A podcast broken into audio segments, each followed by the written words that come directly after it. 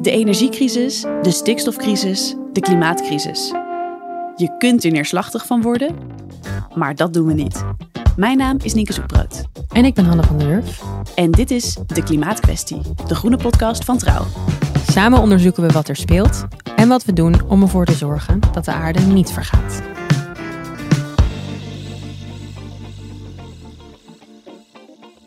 Denk eens terug aan de afgelopen zomer. Was het een hete zomer? Of regent het juist veel? Hoe kouder en donkerder de dagen worden, hoe verder weg de warme zomer lijkt en hoe meer we ernaar gaan verlangen. Maar dan is het weer juni en staan de journaals en kranten vol berichten over extreme hitte en bosbranden. We schrikken ervan hoe warm die zomers eigenlijk zijn. Dus, om ervoor te zorgen dat we de komende zomer niet overvallen worden door de hitte, een aflevering over waarom we het in de winter over zomerhitte moeten hebben.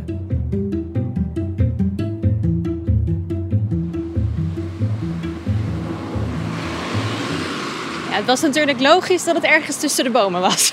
Ja, inderdaad. Ik was al aan het zoeken. Hi, Hanna. Hi. Hoi.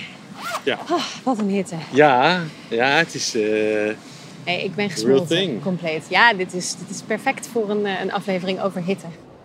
Het is september en ik stond net hier in een volkswijk in Utrecht te wachten op onderzoeker René van der Velde. Op mijn nieuwsapp las ik dat volgens het KNMI ieder moment een zeldzaam record verbroken kan worden. Een hittegolf in september. Een hete nazomer. Een logisch staartje van de warmste zomer ooit gemeten. wij staan in ehm, zeg maar wat de jaren 60, 70 wijken ten noorden van Utrecht. Waar de achterdag gaan we zo meteen naartoe. Het heel stenig is. En eh, eh, ja, daar is het echt eh, schrijnend. Een Indian Summer noemt de Australisch-Nederlandse René het. Hij is universitair docent stedelijke bosbouw aan de TU Delft. En samen gaan we vandaag op zoek naar het koelste plekje van de wijk. We lopen naar een rij huizen met bakstenen gevels. Er hangt fritrage achter de ramen en hier en daar staat een bankje voor de deur. René zet een statief op de stoep, met daarop een zwart apparaatje dat eruit ziet als een oude Nokia-telefoon. En daarmee kan hij heel precies de temperatuur meten. Hij nodigt me uit om een hand op de gevel te leggen. En, en deze gevel is nu dus heel heet. Ja, dus als je probeert met je voelen. hand, kan het volgens mij. Ja, hier kan je gewoon bijna een ei op bakken. Dus Ja. dit is. eh, Ja. Voel je deze nog warmer? Dat is, dat is inderdaad ei, eh, eibakker. Maar hier voel je het al, zo windstil. Ja. Alles is om je heen. Dus ik denk dat je hier 45, 46. En als we hier eh, rond 2 uur hadden gestaan, dan was hij makkelijk boven de 45 graden nu. Ik denk dat hij wel richting de 50 gaat. En ah, hier, kan, hier kan oom en opa niet meer zitten. Dus die bankje, eh, als, Ja. de, als we daarop gaan zitten, dan, ehm, dan, hebben, we een, eh, dan hebben we een gezondheidsprobleem. Ja. René onderzoekt warmte in steden. Dat is hard nodig, want sinds begin vorige eeuw is de temperatuur in Nederland gemiddeld 2,3 graden gestegen. Die stijging voel je alleen niet overal evenveel. Die voel je vooral in de stad, waar veel mensen dicht op elkaar wonen, in stenen huizen en waar niet altijd genoeg ruimte is voor verkoeling. Daar kan het tot wel 10 graden warmer zijn dan net buiten de stad. Je hebt allemaal klimaatzones in de wereld. En ehm, wij zitten in, eh, in een, de, de, de, de, de gematigde klimaatzones. Eh, opvallend is uit, uit collega-onderzoek is dat we zien dat de steden in gematigde streken... die hebben het meeste last van hitte, gek genoeg. En hebben Parijs, Londen, Amsterdam, Berlijn, Utrecht en de, Noor- en de VS, Noord-VS en zo, waar we zitten, tot Frankrijk en dan tot, tot zo'n beetje Denemarken en dan helemaal door tot rond Melbourne, Sydney, eh, eh, Buenos Aires, et cetera. Daar gaat het echt eh, een probleem worden. En waarom juist daar? Nou, omdat daar het extremer wordt, dus de, de, de verschillen zijn extremer. Dus zoals we nu zien, eh, eh, en ze zijn ook niet op ingericht. Hitte is niet alleen een groter probleem voor steden, het zijn vooral steden in onze gematigde klimaatzone die er last van gaan krijgen. Wij zijn namelijk gewend aan een klimaat met weinig uitschieters. In de winter is het niet te koud en in de zomer niet te warm. Top, dacht de mensheid, daar willen we wonen. En daarom woont nu ruim een derde van de mensen op de wereld in een gematigde klimaatzone. Met weersextreme, Daar hebben we de laatste eeuw niet echt rekening mee hoeven houden met het bouwen van huizen. Maar je voelt hem al aankomen. Inmiddels moeten we wel rekening gaan houden met extreem weer, zegt René. En daarom wil hij weten waar in de stad je een ei op een gevel zou kunnen bakken en in welke stukken van de stad het juist koel is. En hoe dat is, kijk, zo'n stad, uh, dat noemen we eigenlijk een canyon zelfs. Of delen van de stad noemen we een canyon. Dus het is eigenlijk gewoon een, ja, je zou kunnen zeggen gebouw, maar het is eigenlijk een soort rotsomgeving. Dit is een stukje Grand Canyon, uh, dan met een mini Grand Canyon. mini Grand Canyon in Utrecht. Ja, kijk, en hier zien we eigenlijk wat we vroeger deden. Uh, een heel stenige omgeving met stoep om op te spelen. En dan wat boompjes die vooral voor de sier waren, waren geplant. Er is nauwelijks groen in deze volksstraat. Hoewel het warmste punt van de dag al voorbij is, brandt de zon nog fel en voel ik mijn huid gloeien. Die zonnestraling die ik voel, die is volgens René ontzettend belangrijk. Hij kan het meten met zijn Nokia-achtige meetapparaat. Ja, het, is, het, het, het, het, schiet je voorbij en dan kaatst daar en dan komt het weer op je af. Ah, en ook dit, dit komt ook op, op, je af. Dus, dus je... de stenen houden niet alleen de warmte vast, maar ze weerkaatsen het ook nog eens, waardoor het nog warmer wordt. Precies. Ondertussen, bedoel, wij staan nu denk ik drie minuten te praten en uh, hij is bijna op 40 graden. Ja. Nu. Maar betekent dat dat het nu ook 40 graden is? Dat betekent dat de stralingstemperatuur uh, naar 40 graden gaat. Dus, dus dat gevoel die jij hebt op je, dat brandend gevoel op je huid, dat is de straling, de radiation, de straling van de zon. Het is, uh, die, die, die warmt ook de luchttemperatuur op. Maar als de stralingstemperatuur 50 graden is, is het dan ook 50 graden of hoe zit dat precies? Nee, vandaag is uh, de stralingstemperatuur zou naar 45 gaan, maar de luchttemperatuur is 30. He, dus dat hebben we net gezien, wat, wat je hoort van de KNMI. Vandaag is het uh, tropische dag, 30 graden. Dat haalt hij hier ook. Dat is de luchttemperatuur. En waarom zijn jullie dan zo geïnteresseerd in de stralingstemperatuur? Straling uh, en stralingstemperatuur um, is heel erg schadelijk. Of kan eigenlijk gewoon zelfs levensgevaarlijk zijn. Dus als jij uh, minder jong en gezond was en je stond hier de hele dag, dan uh, kan jouw lichaam dat niet, niet meer bijwerken, niet meer koelen. Want die, dat 45 graden stralingstemperatuur, dat, dat beukt op je, op je af. En dat is gevaarlijk. Overheden waarschuwen niet voor niets bij elke hittegolf. Kwetsbare groepen, ouderen, kinderen, zieken. Let op dat je genoeg drinkt en niet oververhit raakt. Maar die waarschuwing die geldt eigenlijk ook voor de rest van de bevolking. Hitte is namelijk niet goed voor je. Uh, we krijgen ook steeds oudere mensen. Het wordt steeds warmer. Uh, uh, dus we krijgen wel echt een, een hoogte sterftecijfer door hitte. Daarnaast hebben we problemen, dat vergeten we al elke keer, maar productiviteit, uh, ongemak, uh, mensen, humeur, dat is ook een ding. Uh, infrastructuur gaat ook eraan, bruggen die, die lopen vast. De natuur heeft er last van, dus dat is allemaal dat soort consequenties. Ik spreek even naar de Nokia. 42,5. Ik heb het best wel warm. Kunnen we weer ja. in de schaduw gaan staan? Precies. Wat daar staat, dat voel je ook. Ja, ik kan ook niet meer helder nadenken. Nee, ik heb het ook. Precies dat. Hè. Dus dat, dat soort dingen zoals... Uh, wel, kijk, de, de uh, concentratie, productiviteit. Uh, mensen krijgen meer ruzies als, als, het, als het warm is. Ja, dat, dat, zijn, dat zijn effecten van, van hitte. Ja, het lastige van hitte is dat, die, dat het niet een catastrofale of uh, zichtbaar effect heeft. Het is niet iets als een overstroming of een dijkdoorbraak of een, een bosbrand. Het is een, soort van stille, sluipende probleem. Je ziet pas een jaar na datum bijvoorbeeld de oversterfte. Je ziet ook dingen gaan door, dus die sukkelen door. En, ehm, behalve als de brug vastloopt. Maar de rest is vrij onzichtbaar. Het, is, het heeft niet een wow-factor.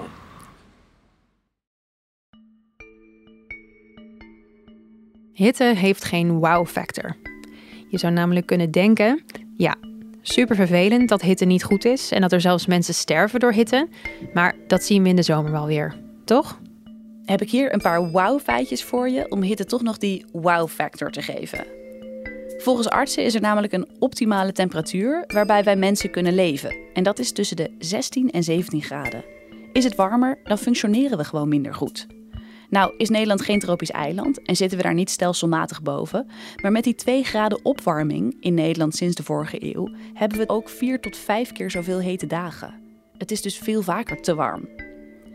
Zo warm zelfs dat kinderen die nu geboren worden in hun leven wel zeven keer vaker een extreem hete zomer meemaken dan de mensen die nu tussen de 50 en 60 zijn. Wat doen we daaraan, zodat toekomstige generaties ook het hoofd koel kunnen houden? Die vraag legden we niet alleen voor aan onderzoeker René, maar ook aan een groep klimaatadaptatie-experts die samenwerken met het ministerie van Infrastructuur en Waterstaat. Er zijn lange termijn plannen om steden leefbaar te houden en een van de oplossingen die staat recht voor onze neus. Nienke. Ik presenteer u de boom. Hij heeft bladeren, hij is groen, het is een natuurlijke airco en hij is ook ideaal als je dat vergrotende effect van die hittestraling die van steen naar steen stuitert op wil lossen. Dit is hem. Nou, hier staat hij dus uh, op 31. We staan wel in de schaduw van de boom.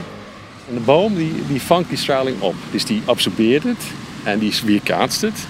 Bomen zijn geweldige dingen. Die, die, die leven van straling. Van meer dan 40 graden in de zon, pats, in één keer afgekoeld tot 31 graden in de schaduw van de boom. En een boom doet nog iets. Het laat water verdampen en daardoor koelt de lucht eromheen lekker af. En dat is een koelbel en die, die zakt als het ware, want koel lucht dat zakt en heet lucht gaat omhoog. Dus dat zakt op je neer. Dus dat is eigenlijk wel een soort perfecte machine, zo'n boom. Dus straks als we daar eh, doorheen lopen, dan zal je voelen dat het niet alleen koeler is, maar ook vochtiger. En dan hebben we nog een laatste, dat is het derde wat een boom doet. Je, je ziet het, de schaduw op de oppervlakte. En dat brengt de temperatuur naar beneden. En dan uh, straalt hij minder af. Dus dat is een uh, soort van extra effect. Dus ze zorgen voor schaduw, ze zorgen voor verkoeling door waterdamp en ze kaatsen de straling terug. Ja, precies. Het is een ideale uh, koelen, een ideale airco uh, en heeft ook nog allerlei andere uh, voordelen. Dus wat mij betreft verdubbelen we. We hebben dus eigenlijk over kroonoppervlakte in, de in steden. Dat is een soort de, de, percentage bomen ten opzichte van het gehele percentage. En in goede steden, die overleven en die gezond zijn en vitaal en waar, we, waar het goed gaat, die zijn 30% Dat is soort minimaal. Pas bij 30 blijft het cool. En wat is het gemiddelde kroonoppervlakpercentage? Van Utrecht uh, heb ik niet paraat, die cijfers. Maar ik weet dat we uh, gemiddeld in Nederland zitten we uh, rond de 11, 12 procent. Dus, dus dat is niet zo goed nieuws? Het is niet zo goed nieuws, nee. Het is, het is eigenlijk zorgwekkend. Sommige steden, zoals Delft, waar ik nu ook veel onderzoek doe, eh, hebben 25% al. Maar dat, dat gaat best goed. Utrecht is volgens mij ook wel hoger dan 11%, maar zeker geen 30. Enerzijds uh, hebben we heel veel bomen in Nederland, in Nederlandse steden. We berekenen ongeveer net zoveel bomen in steden als de inwoners van Nederland tussen de 15 en 18 miljoen bomen staan in Nederlandse steden. Maar ze staan uh, niet altijd op de goede plek. Ze zijn niet altijd uh, zo mooi en vitaal zoals deze, want ze hebben geen plek om te groeien. Zoals een linde daar. Uh, die ik vermoed dat dat best een oude boom is, maar die heeft niet kunnen groeien, want die heeft helemaal geen groeiruimte. Vanwege het verkeer en, en, en wat eigenlijk allemaal in de ondergrond en het laatste probleem, en dat is het allergrootste probleem, is dat klimaatverandering gaat snel. Um, we moeten meer bomen planten en tegelijkertijd groeien we, willen we verdichten, gaan we allemaal ruim wonen en anders wonen. Dus er moet veel meer woning bij komen, de stad verdicht. En dat moet ergens uh, komen. Dat gaat ten koste vaak van de bomen. Of komen veel meer huizen bij en er moet er veel meer gebeuren in de straat. En dan is er geen plek voor de voor de wortels van de bomen. Oké, de lange termijn. Gemeenten, waterschappen en provincies die zijn het er wel over eens dat de Nederlandse steden meer bomen en meer groen nodig hebben. Ze doen namelijk sinds kort een stresstest. Dat doen ze om te kijken of hun gebieden kwetsbaar zijn voor dingen als overstromingen, verdroging. En zodra ze weten wat er in hun gebied speelt, weten ze ook precies wat ze moeten doen om die problemen tegen te gaan. Van de Rijksoverheid moet dat allemaal voor 2050 goed geregeld zijn. Maar hoe ze dat precies moeten invullen, daar zijn geen richtlijnen voor. We hebben wel een hele stapel aan adviezen. Bijvoorbeeld deze, om gedrag te veranderen. Dus ze hebben het over het aanpassen van winkel- of werk- of schooltijden. Als het over een paar jaar echt zo heet wordt dat je overdag eigenlijk niks meer kan doen. Dus dan heb je het over een siesta, maar dan in Nederland. Ze willen een siesta invoeren? Dat is een advies, ja, dat dat potentieel zou kunnen. Oh, wauw. Wat we wel concreet hebben zijn hitteplannen. Zijn dat die plannen wat kwetsbare mensen moeten doen als het warm is? Ja, het ding is alleen, slechts 60 gemeenten hebben zo'n lokaal hitteplan. Klimaatadaptatie-experts hopen dat het aantal snel stijgt, want in 9 van de 10 zomers zijn tegenwoordig al hittegolven te verwachten. Maar dat is eigenlijk nog niet genoeg, zeggen zij. Want dit zijn plannen voor als het al te laat is. Er zijn geen concrete plannen voor wat je moet doen om hitte in de stad te voorkomen. Er zijn geen harde verplichtingen voor het aantal bomen dat moet worden geplant of bijvoorbeeld verplichte zonwering op gebouwen. En nu klinkt het misschien alsof gemeentes en provincies en waterschappen helemaal niet zoveel doen. Maar dat is niet zo. Wat wel zo is, is dat je als inwoner afhankelijk bent van hoe jouw gemeente plannen gaat uitvoeren en van hoeveel geld ze daarvoor hebben. En dat kan riskant zijn in een land als Nederland, waar we wel heel veel weten over de strijd tegen het water, maar nog steeds niet zo heel veel over hoe we moeten omgaan met die extreme hitte. Sterker nog, tot een paar jaar geleden stond hitte als klimaatrisico nog niet eens echt op de radar. Daar is sinds de laatste warme zomers pas echt verandering in gekomen. Terwijl plannen voor een klimaatbestendige toekomst nu besloten moeten worden. Het is wel zo dat het um, in de fysieke omgeving is het lastig veranderen. Het duurt sowieso lang om iets te veranderen. En dan um, moet er geld voor zijn. Er moet er ruimte voor zijn. Uh, het wordt steeds sneller heten. Uh, een boom groeit uh, langzaam. Deze bomen die zijn iets van 70, 80 jaar, misschien nog ouder. Dan pas zijn ze echt mooi op je hebt pas zeg maar, tegen 20 jaar heb je wat aan een boom. Dus dan moeten die eigenlijk wel gisteren geplant zijn. Al honderden jaren is, zijn bomen gewoon in alle steden in Nederland geplant. Dus we houden van groen, we houden van bomen. We weten er best veel over. Uh, maar toch is het het is natuurlijk niet noodzakelijk geweest tot nu toe. Dat, dat kon erbij, er was er mooi erbij. En het was vooral een, een, een, een mooi aspect van onze steden. Maar uh, nu is het menens. Nu hebben we hebben ze nodig. De steden staan dan voor een best wel hele grote opgave. Wordt er dan op nationaal niveau ook genoeg gedaan? Nee. Nee, ik denk, ik denk dat je zou kunnen, kunnen stellen dat eigenlijk niet zo nauwelijks gebeurt op nationaal niveau. Ik denk de regie is heel veel de laatste jaren naar de steden toe. En uh, in zekere zin speelt het daar af. Maar je zou kunnen zeggen, kijk, we hebben bijvoorbeeld een Rijkswaterstaat. En laten we zeggen, uh, kustverdediging. Daar zit een ministerie voor en een hele afdeling voor. Maar er is geen ministerie van uh, groeninfrastructuur. Wat mij betreft is er een groen, een groen waterstaat. Hè? Dus of een Rijksgroenstaat. dat zou eigenlijk wel moeten komen. Gecoördineerd nationaal plan, budget, aandacht, onderzoek, um, een plan en, en, een aantal doelstellingen. Dat, dat zou er moeten komen. Zolang die Rijksgroenstaat nog niet bestaat, of het ministerie voor verkoeling, gaan René en ik verder op zoek naar het coolste stukje van Utrecht. Kan het nog cooler dan de boom waar we eerst naast stonden? Oh, lekker. Zo, in het park. Ja, hè? Ja. Parken zijn voor veel redenen geliefd in de wereld in Nederland. Um, maar nu hebben we dus echt, echt een, een, een, extra dingetje erbij, namelijk echt dat cool, een coole plek. En dat heet, dat noemen we internationaal de Park Cool Island effect. Dus dat, dat is het, het gezamenlijke effect, impact van bomen. Dat, gezamenlijke effect is veel groter dan een boom in een straat. En uh, dat heeft ook nog een uitstraling naar de wijken eromheen. Kan soms wel honderden meters. Het is een soort van belkoude lucht, bij spreken, die sijpelt uh, in, de, in de wijken. Ja, nu we hier tussen de bomen staan, moet ik toch ook denken aan iets wat je aan het begin zei. Over, uh, wat was nou het mooie woord? Kroonoppervlaktepercentage. Kroonbedekkings. Kroonbedekkingspercentage. Ja. Nou, dat schommelt dan rond de, gemiddeld rond de 10%. Dat moet 30% zijn. Zie jij dat er al stappen worden gezet? Er zijn best wel een aantal steden die, uh, laten zeggen, de stoute schoenen aantrekken en zeggen van ja, dat gaan we gewoon, dat gaan we gewoon doen. Hebben de 3-30-300 regel zelfs door uh, collega uh, Cecil Konijnendijk. Uh, dat is een soort van drie bomen uit het raam zien, 30% kroonoppervlakte, kroonbedekkingoppervlakte en 300 meter naar een koele plek. Nou, daar zijn heel veel gemeentes die zeggen, oké, dat gaan we doen.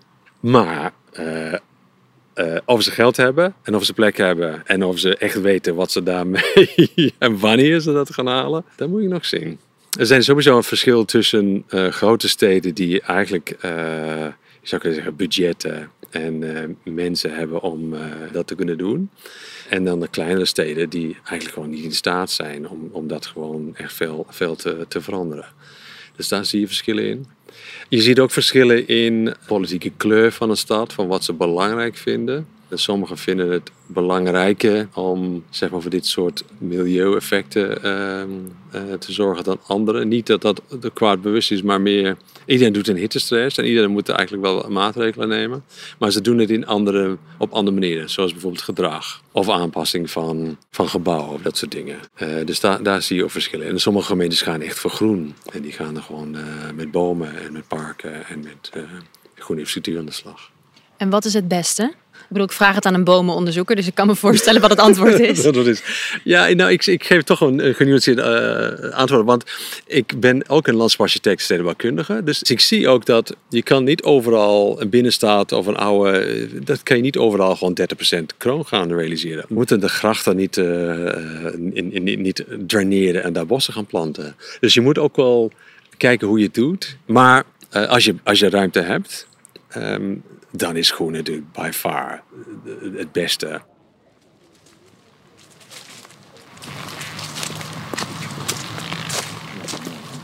We lopen nu letterlijk de begroeiing in. Overal blad. Misschien is de temperatuur wel een goede om even te kijken. Even checken.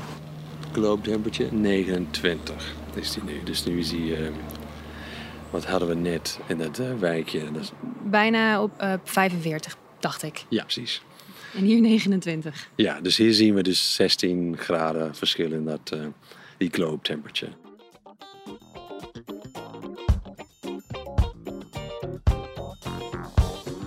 Dit was De Klimaatkwestie, de groene podcast van Trouw. Deze aflevering werd gemaakt door Hanne van der Wurf en door mij, Nienke Zoetbrood. Hartelijk dank aan René van der Velde en aan de mensen van Climate Adaptation Services voor de heldere uitleg. Mocht je meer willen lezen over hitte, lees dan meer van onze klimaatverslaggeving op trouw.nl/slash duurzaamheid en economie. En hou natuurlijk deze podcast in de gaten voor meer afleveringen over klimaatverandering. De mixage werd gedaan door George Paul Henneberken en eindredactie is in handen van Charlotte Verlauw. Oh, en je helpt ons trouwens heel erg door sterren te geven in je podcast-app. Zo kunnen meer mensen deze podcast vinden. Dankjewel.